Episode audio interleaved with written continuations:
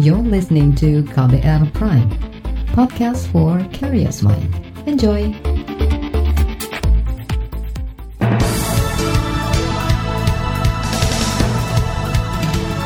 Selamat pagi saudara, selamat pagi Indonesia. Saya Reski Mesanto siap kembali menemani Anda beraktivitas pagi hari ini melalui program Buletin Pagi edisi Jumat 13 November 2020.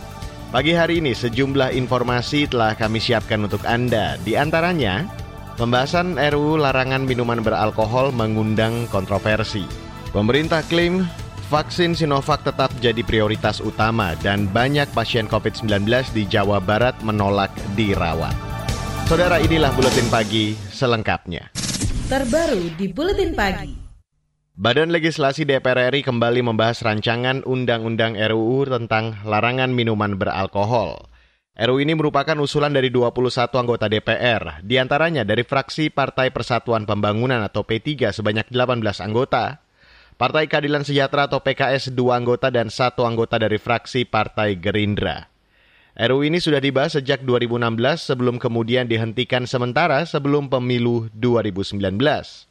Menurut salah seorang anggota pengusul dari fraksi P3, Iliza Saadudin Jamal, RUU menjadi upaya melindungi masyarakat dari dampak negatif yang timbul dari minuman beralkohol. Rancangan undang-undang tentang larangan minuman beralkohol ini merupakan rancangan undang-undang usulan dari anggota dari fraksi P3, fraksi PKS, dan fraksi Gerindra. Tujuannya melindungi masyarakat dari dampak negatif, menciptakan ketertiban dan ketentraman di masyarakat dari para peminum minuman beralkohol, menumbuhkan kesadaran masyarakat mengenai bahaya minuman beralkohol, menciptakan ketertiban dan ketentraman di masyarakat dari para peminum minuman beralkohol. Anggota fraksi P3 di DPR Iliza Saadudin Jamal beralasan, saat ini minuman beralkohol belum diatur secara khusus dalam bentuk undang-undang.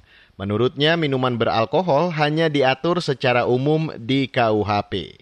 Sementara itu, saudara, Asosiasi Pengusaha Importir dan Distributor Minuman Indonesia atau APITMI meminta rancangan Undang-Undang Minuman Beralkohol atau RUU Minol tidak membahas larangan konsumsi minuman beralkohol.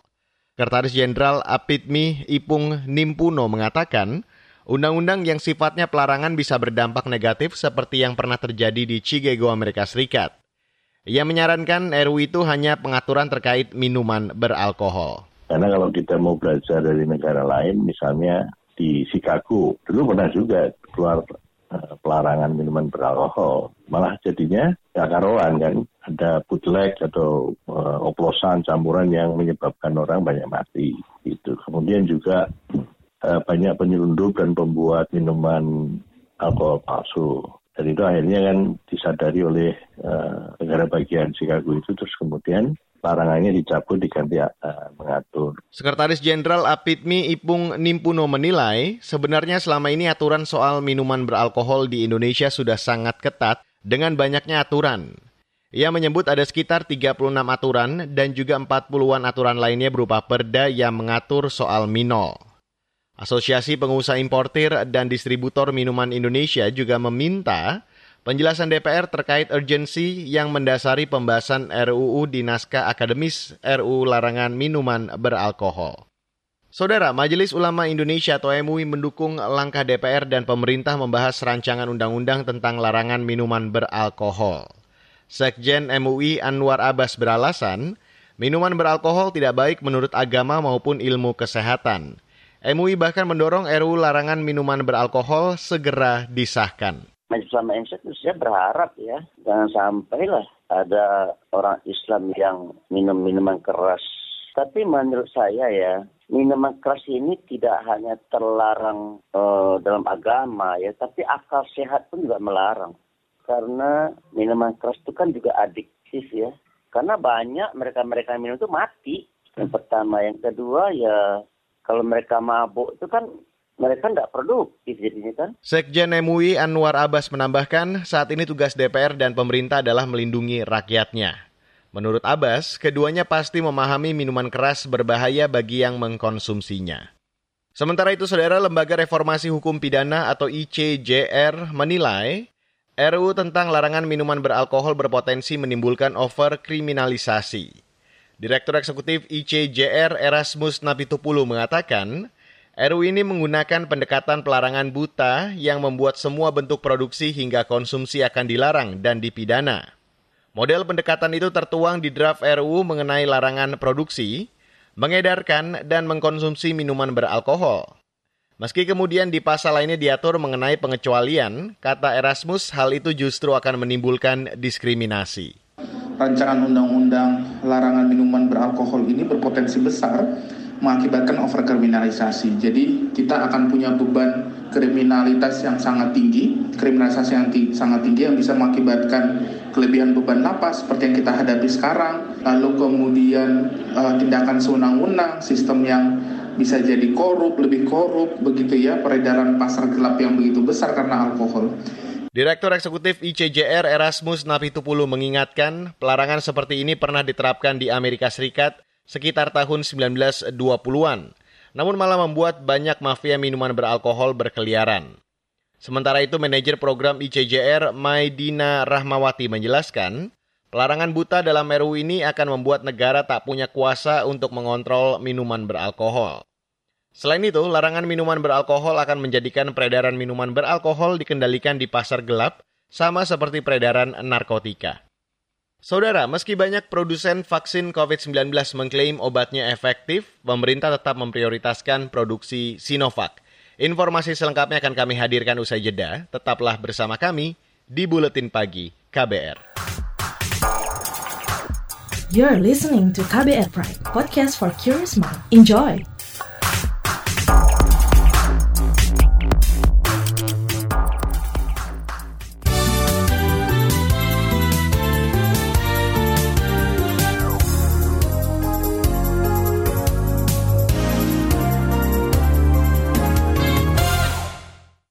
Saudara, pemerintah menegaskan tetap memprioritaskan pembelian vaksin COVID-19 buatan pabrikan Tiongkok Sinovac. Meski begitu, Kepala Kantor Staf Presiden atau KSP Muldoko menyatakan tidak menutup kemungkinan vaksin lain juga bisa masuk tanah air. Muldoko mengatakan persoalan teknis untuk perlakuan vaksin di Indonesia sangat rumit. Bahkan pendistribusian dari satu wilayah ke wilayah lain memerlukan keahlian dan keterampilan yang khusus. Yang pasti uh Orientasi pertamanya Sinovac dan Sinovac ya. Tidak menutup kemungkinan, tapi juga ada persoalan-persoalan teknis ya dari sisi perlakuan teknis terhadap vaksin itu dingin ya. Untuk daerah-daerah seperti uh, kita ini sepertinya akan menghadapi kesulitan karena jaring apa itu dinginnya itu ya yang yang apa harus melalui sebuah temperatur sehingga nanti pada saat distribusi dari satu wilayah ke wilayah lain akan menghadapi masalah. Itu persoalan teknisnya di situ. Kepala Kantor Staf Presiden atau KSP Muldoko mengatakan, selain itu peluang pengembangan vaksin di dalam negeri juga masih terbuka lebar. Dia menyebut potensi vaksin yang akan digunakan di tanah air saat ini masih berproses dari pertimbangan segala aspek yang terus dimonitor. Sejauh ini ada sejumlah pabrikan vaksin di luar negeri yang mengklaim produknya efektif untuk mengatasi COVID-19 seperti Pfizer hingga produsen vaksin dari Rusia. Saudara, tingkat partisipasi Angkatan Kerja penyandang disabilitas di Indonesia masih rendah khususnya sektor formal. Direktur Ketenagakerjaan Badan Perencanaan Pembangunan Nasional atau Bapenas, Mahatmi Parwintasari menyebut, partisipasi Angkatan Kerja penyandang disabilitas tidak sampai 50 persen kami sampaikan di sini kondisi ketenaga kerjaan penyandang disabilitas bahwa untuk uh, penyandang disabilitas chance untuk masuk menjadi angkatan kerja itu jauh lebih rendah daripada yang non disabilitas. Terlihat bahwa uh, kaum disabilitas itu tingkat partisipasi angkatan kerjanya hanya 46 persen, sekitar 46 persen. Sementara untuk non disabilitas itu mencapai 70 persen. Berarti kebanyakan kaum disabilitas itu merupakan bukan angkatan kerja, jadi memilih untuk berada di rumah dan tidak aktif secara ekonomi. Direktur Ketenagakerjaan Bappenas Mahatmi Parwintasari menambahkan, rendahnya partisipasi penyandang disabilitas dipengaruhi ketersediaan lapangan kerja bagi difabel. Saat ini, ketersediaan lapangan kerja bagi difabel terbanyak ada di sektor pelayanan dan jasa dibanding di sektor industri. Pemicunya antara lain, tidak tersedianya aksesibilitas di lingkungan kerja, kesenjangan sosial, dan pelatihan pendidikan yang tidak inklusif. Kita beralih ke kasus hukum saudara penyidik dari Bareskrim Mabes Polri melimpahkan berkas perkara tahap 1 untuk sejumlah tersangka kasus kebakaran gedung Kejaksaan Agung. Juru bicara Mabes Polri Awi Setiono mengatakan, berkas perkara tersebut khusus untuk tersangka dari kelompok pekerja atau tukang bangunan.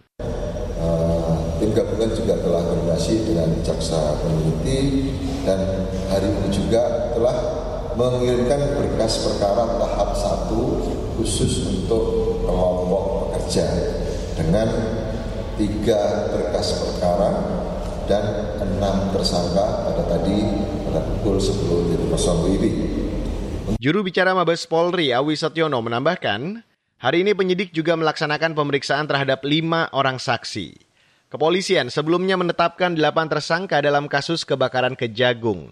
Para tersangka antara lain tukang bangunan, mandor, pejabat kejaksaan hingga perusahaan rekanan. Penyidik Polri menyimpulkan kebakaran gedung Kejaksaan Agung tidak ada unsur kesengajaan, melainkan karena kelalaian para tersangka.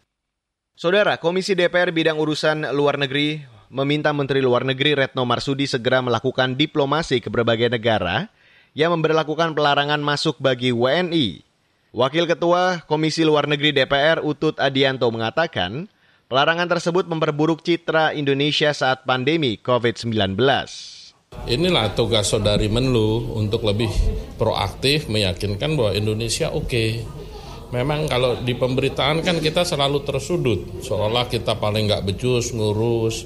Amerika yang meninggal sudah 700 ribu, oke-oke aja dia. Kita nggak memban mereka. Nah seperti ini kan bagian dari diplomasi internasional dan bergen kita di sana. Ini yang tugas para duta besar agar proaktif, terutama ada 49 negara yang menganggap kita tidak layak uh, untuk bepergian. Itu tadi Wakil Ketua Komisi Luar Negeri DPR Utut Adianto. Dan menanggapi hal tersebut, Menteri Luar Negeri Retno Marsudi mengatakan, kementeriannya sudah bekerja maksimal dalam hal diplomasi kepada negara-negara yang memperlakukan larangan bagi masuknya WNI. Kendati belum membuahkan hasil signifikan, ia mengatakan akan terus melakukan upaya diplomasi yang sama-sama tidak merugikan. Beralih ke berita mancanegara, saudara, Parlemen Hong Kong kini dikuasai kelompok pro-Tiongkok setelah 15 anggota parlemen fraksi pro-demokrasi yang menjadi oposisi memutuskan mundur beramai-ramai. Melansir AFP, pengunduran diri anggota parlemen pro-demokrasi Hong Kong itu terjadi seiring meningkatnya eskalasi gerakan pro-demokrasi. Pemberlakuan Undang-Undang Keamanan Nasional juga menjadi alasan pengunduran diri anggota dewan itu. Mundurnya anggota parlemen ini sebagai bentuk protes atas pemerintah Hong Kong yang pro-Tiongkok. Sebelumnya, pemerintah Hong Kong juga memecat empat rekan mereka yang memegang jabatan strategis di pemerintahan. Dan saat ini hanya tersisa dua legislator Hong Kong di luar kubu pro-Tiongkok. Kita ke berita olahraga, saudara. Gelandang Persija Jakarta, Mark Klok, resmi menjadi warga negara Indonesia. Klok menjadi pemain naturalisasi Indonesia ke-33. Ia mengikuti jejak para pemain lain macam Sergio Vanjik, Stefano Lillipali hingga Otavio Dutra. Pengambilan sumpah untuk resmi jadi WNI dilakukan Klok setelah memulai proses naturalisasi melalui Persija Jakarta pada Januari lalu. Meski sudah menaturalisasi puluhan pemain, tim nasional Indonesia tak kunjung meraih prestasi. Prestasi terbaik tim Garuda hanya sebatas jadi runner-up Piala AFF capaian yang sebelumnya sudah bisa digapai sebelum skuad merah putih diperkuat pemain-pemain asing. Saudara, sesaat lagi laporan khas KBR bertajuk Menanti Geliat Merapi di Tengah Pandemi akan kami hadirkan usai jeda. You're listening to KBR Pride, podcast for curious mind. Enjoy!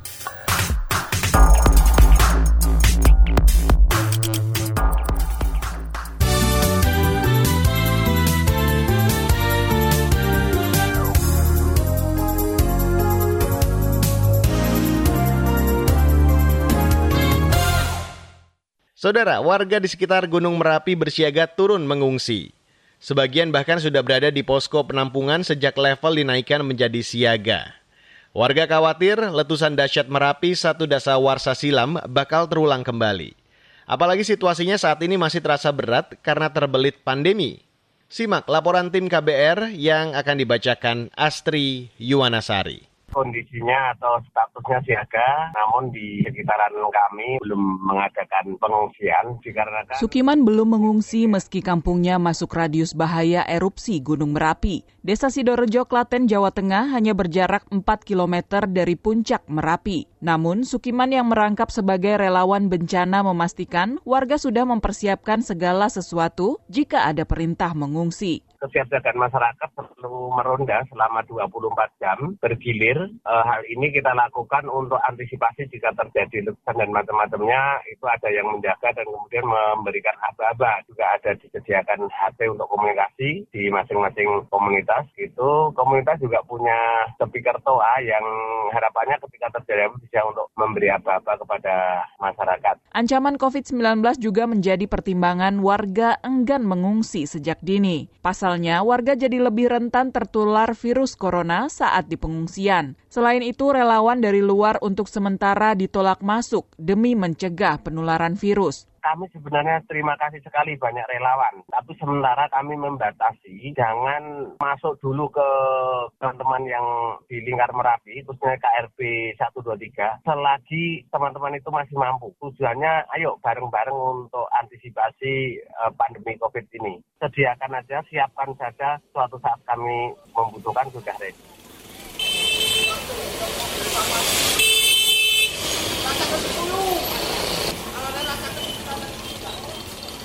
Hingga 11 November, sebanyak 1.200-an warga dari empat kabupaten telah dievakuasi ke sejumlah titik pengungsian. Selain Klaten, tiga wilayah langganan terdampak erupsi Merapi adalah Boyolali dan Magelang, Jawa Tengah, serta Sleman, Yogyakarta. Balai Penyelidikan dan Pengembangan Teknologi Kebencanaan Geologi BPPTKG Yogyakarta memperkirakan karakter erupsi Merapi kali ini mirip dengan 2006 silam. Karakter utamanya berupa efusif atau leleran, meski tetap diiringi eksplosif atau letusan. Namun, letusannya diprediksi tidak sedahsyat pada 2010.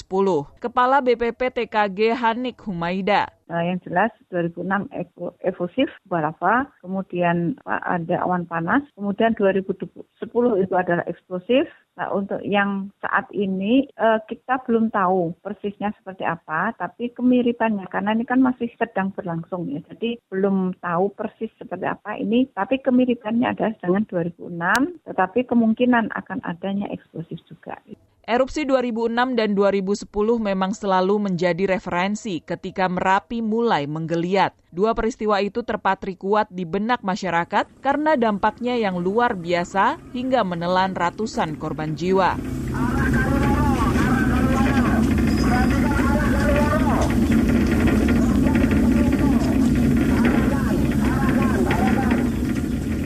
Warga yang berada di radius bahaya pasti ingat betul momen-momen mengerikan pada periode Oktober dan November 2010. Awan panas atau wedus gembel pertama kali meluncur pada 26 Oktober. Puluhan warga meninggal saat itu. Evakuasi jenazah yang diduga sebagai Mbah Marijan gitu. Termasuk juru kunci Merapi Mbah Marijan. Puncak amukan Merapi terjadi pada 5 November. Inilah letusan terhebat dalam periode ini. Awan panas Merapi menyembur ke arah Kali Gendol dengan tinggi kolom hingga 17 km. 300-an orang tewas dalam peristiwa ini. Yudit, warga Cangkringan Sleman, masih terngiang kengerian saat menyaksikan muntahan Merapi sehari sebelum letusan. Padahal desanya berada 12 km dari puncak. Kisah ini diunggah di kanal YouTube relawan dan pendaki pensiun. Itu saya baru masuk, itu gelap sekali mas. Ada api yang jatuh di depan saya. Itu sekitar 10 meter dari saya naik motor gitu. Itu pun saya belum nyadar. Setelah saya di, ditepuk sama adik saya, Mas, geni gitu. Melayang gitu, set jatuh. gitu. Ya, itu saya benar-benar tahu sendiri, benar-benar ngalami sendiri. Adik saya sampai terdek. Saya langsung pucet mas langsung gitu. Saya langsung belok sesampai di selatan dusun saya saya melihat ke arah Kali Gendol itu saya semakin merinding mas. Jadi di bawah itu warna oranye gitu, yang di atasnya menggumpal hitam gitu. Saya masih gitu ya, ingat banget itu mas. Sejak 1700-an Gunung Merapi tercatat sudah meletus sekitar 100 kali. Berdasarkan data Kementerian ESDM, dua letusan besar sebelum 2010 terjadi pada 1930 yang menewaskan 1.300-an orang dan 2006 dengan 150-an korban jiwa. Berbagai pengalaman dan data tersebut bisa menjadikan bahan mitigasi bencana jika Merapi kembali erupsi. Kesiapsiagaan semua pihak diperlukan untuk mencegah timbulnya korban jiwa. Demikian laporan tim KBR, saya Astri Yuwanasari. Dan sesaat lagi informasi dari daerah akan kami hadirkan di bagian akhir buletin pagi hari ini. Jadi tetaplah bersama kami di buletin pagi KBR. You're listening to KBR Pride, podcast for curious mind. Enjoy.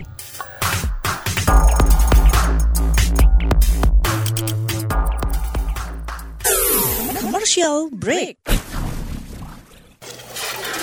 Vina, seorang volunteer dari komunitas Bihome memberi pesan kepada teman-teman Broken Home untuk dapat bangkit dari keterpurukan dan mampu berdikari. Jangan sampai kalian menikah saat kalian belum siap. Itu penting banget. Jadi selama masih muda nikmati aja masa mudanya. Carilah hal-hal positif yang bermanfaat buat masa muda kalian. Sehingga nanti kalian ketika pun sudah memiliki pasangan, mau mencari pacar misalkan atau sudah ingin menikah, kalian sudah benar-benar matang agar apa yang kalian alami tidak terjadi kembali kemudian hari. Simak obrolan selengkapnya dalam podcast Disco Diskusi Psikologi dalam episode Bangkit dari Keterpurukan dan Berdikari di kbrprime.id dan platform mendengar podcast lainnya.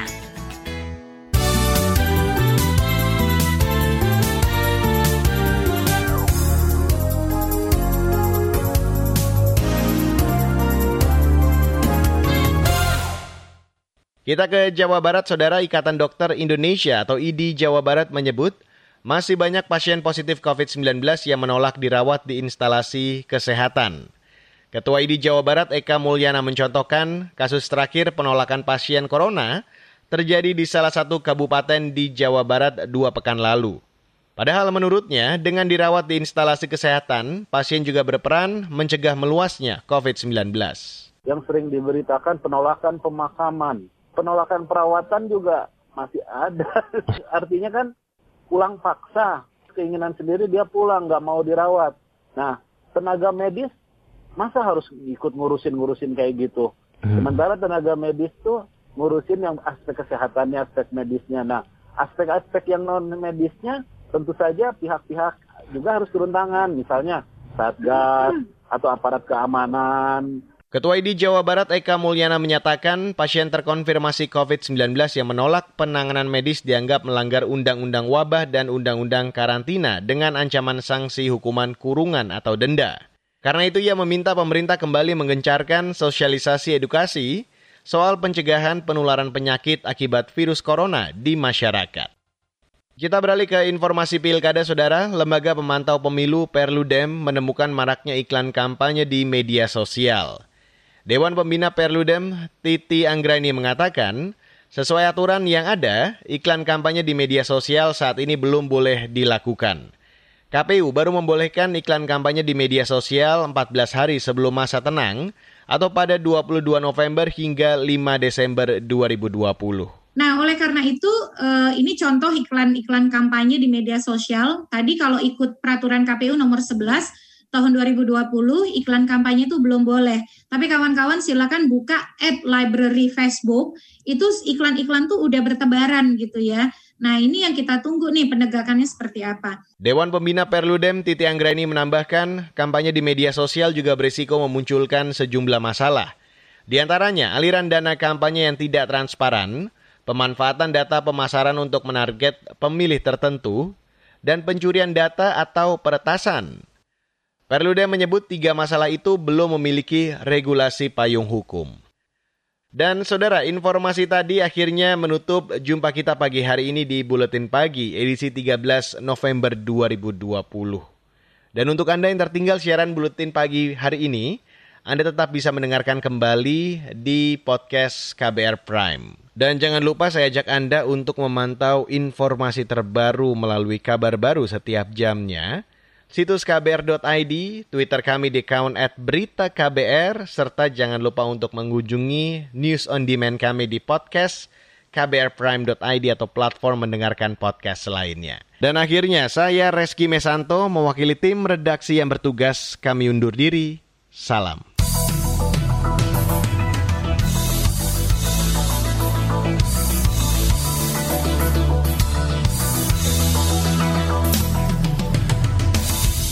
KBR Prime, cara asik mendengar berita. KBR Prime, podcast for curious mind.